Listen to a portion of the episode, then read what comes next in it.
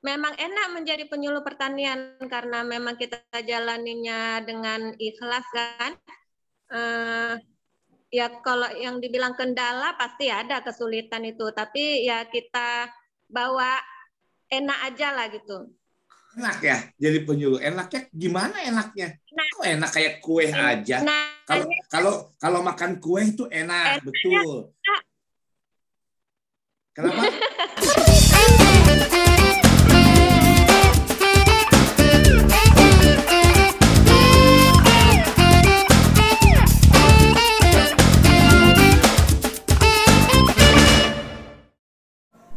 Jangan lupa tekan subscribe dan lonceng untuk melanjutkan video ini. Oke, Assalamualaikum warahmatullahi wabarakatuh. Kembali bertemu kembali di podcast pertanian dan teknologi Dani Medio. Sekarang saya masih kita ngobrol tentang pemenang atau uh, nominasi 10 besar yang masuk 10 besar di lomba video sukses story yang diadakan oleh Museum Tanah dan Pertanian Kementerian Pertanian.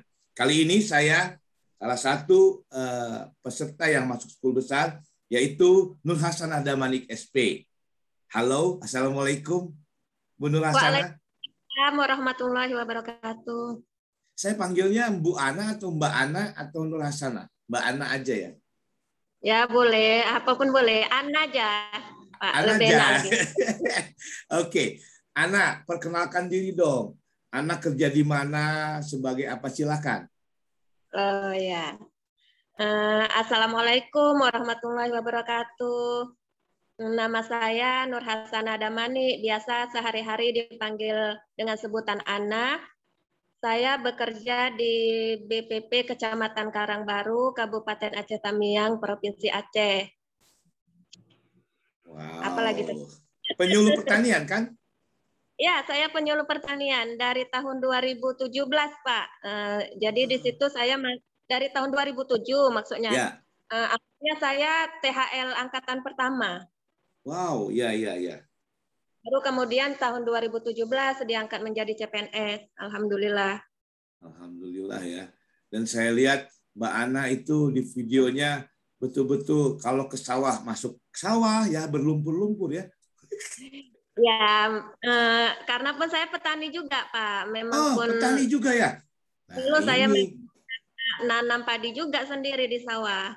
Oh, cerita dong, cerita. Mbak Mbak Ana ini uh, menjadi penyuluh uh, kemudian bertani juga itu ceritanya gimana nih Mbak Ana?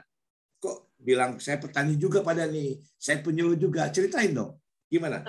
Uh, Iya, karena pun kan dari kecil eh, dibesarkan juga dari orang tua juga petani kan, Pak. Hmm. Jadi ya kalau yang namanya bertani tuh mungkin karena dari kecil udah bergelut sama pertanian, ya otomatis kita jadi hobi, jadi suka gitu kan.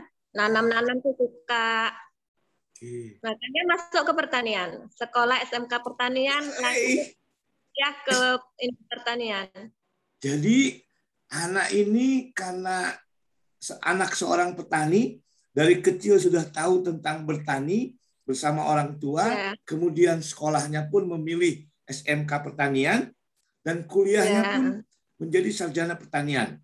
Wow, bukan yeah, yeah. main. Asik sekali ya kalau saya dengar ceritanya nih.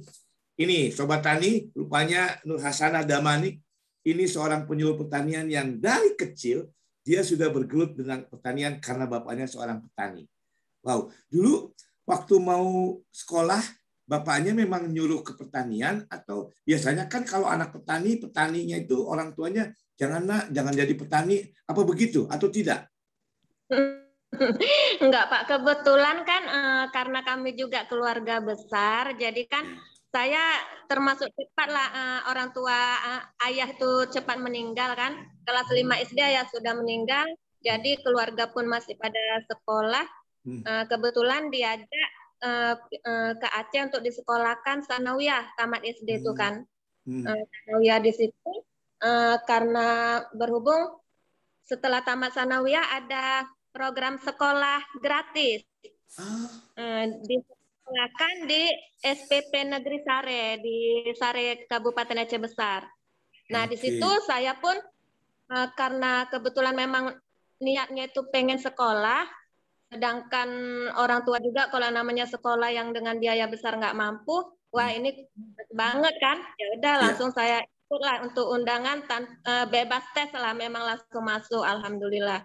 Wow. Tuh uh, dari SPP Negeri Sare, kemudian langsung ikut tamat sekolah tahun 2006. 2007-nya langsung ikut tes kontrak THLT BPP.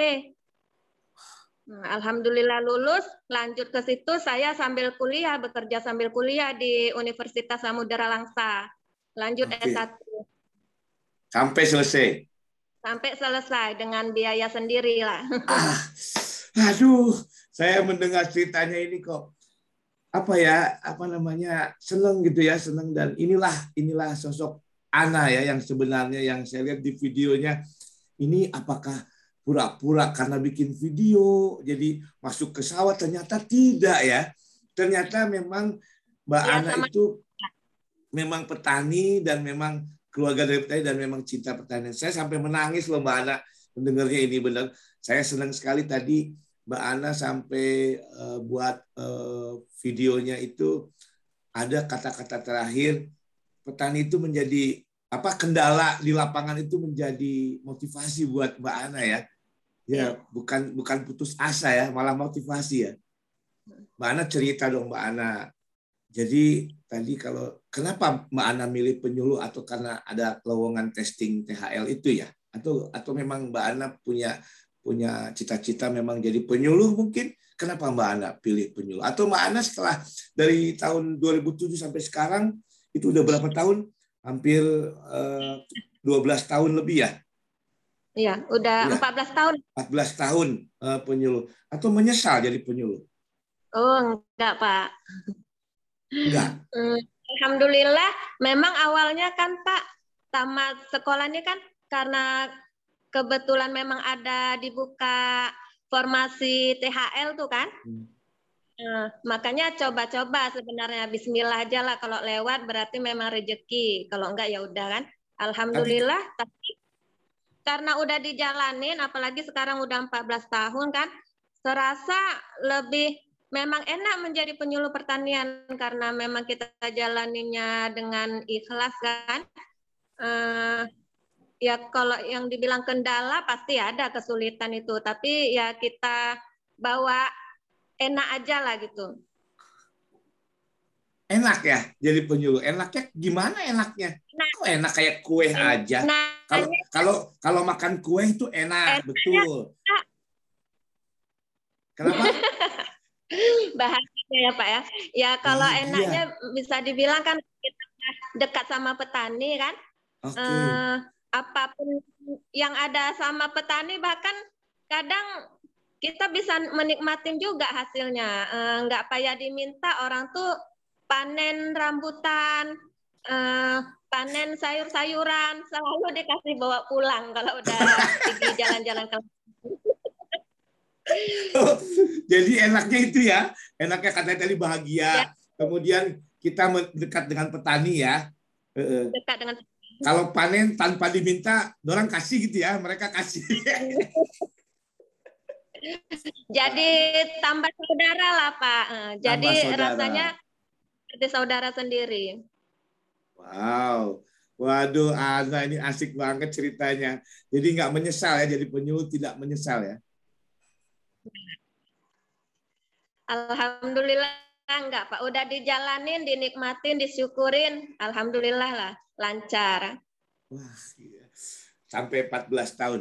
Mbak Ana, tadi juga saya melihat mendengar Mbak Ana di video bahwa hmm, apa katanya bahwa jangan jadi penyuluh itu jangan bekerja untuk diri sendiri, tapi adalah bentuk pengabdian. Ya. Itu bisa dijelaskan nggak apa itu Mbak Ana supaya penyuluh yang lain juga tahu? Hmm, gimana ya?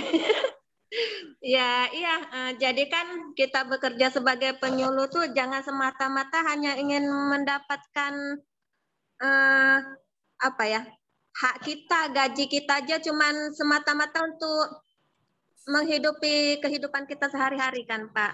Tapi karena memang itu sudah menjadi tugas kita, kita jalani dengan ikhlas untuk bisa memberikan motivasi, menyampaikan ilmu yang kita peroleh lah, yang memang kita mampu kita sampaikan ke petani. Dan rasanya kalau itu petani bisa menerima apa yang kita sampaikan, ada rasa kebahagiaan tersendiri memang, kepuasan tersendiri.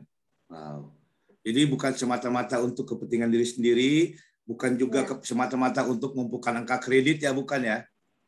No, bukan. Itu pasti ada juga, Pak. Cuman kan uh, enggak semata-mata itu. Ya.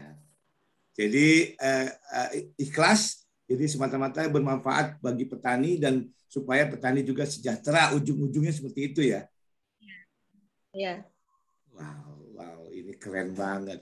Waduh, saya jadi apa ya ngobrol sedikit tapi ini loh ini sosok penyuluh yang betul-betul uh, dari hati ya dari hati dan uh, ikut awal dari ujian THL tapi kan memang itu tahu penyuluh dan uh, Mbak Ana diterima dan dijalani sampai sekarang hampir sudah 14 tahun lebih ya menjadi penyuluh dan tidak pernah iya. menyesal. Ya.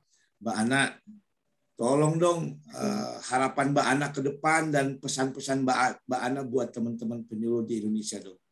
Apa Mbak Ana?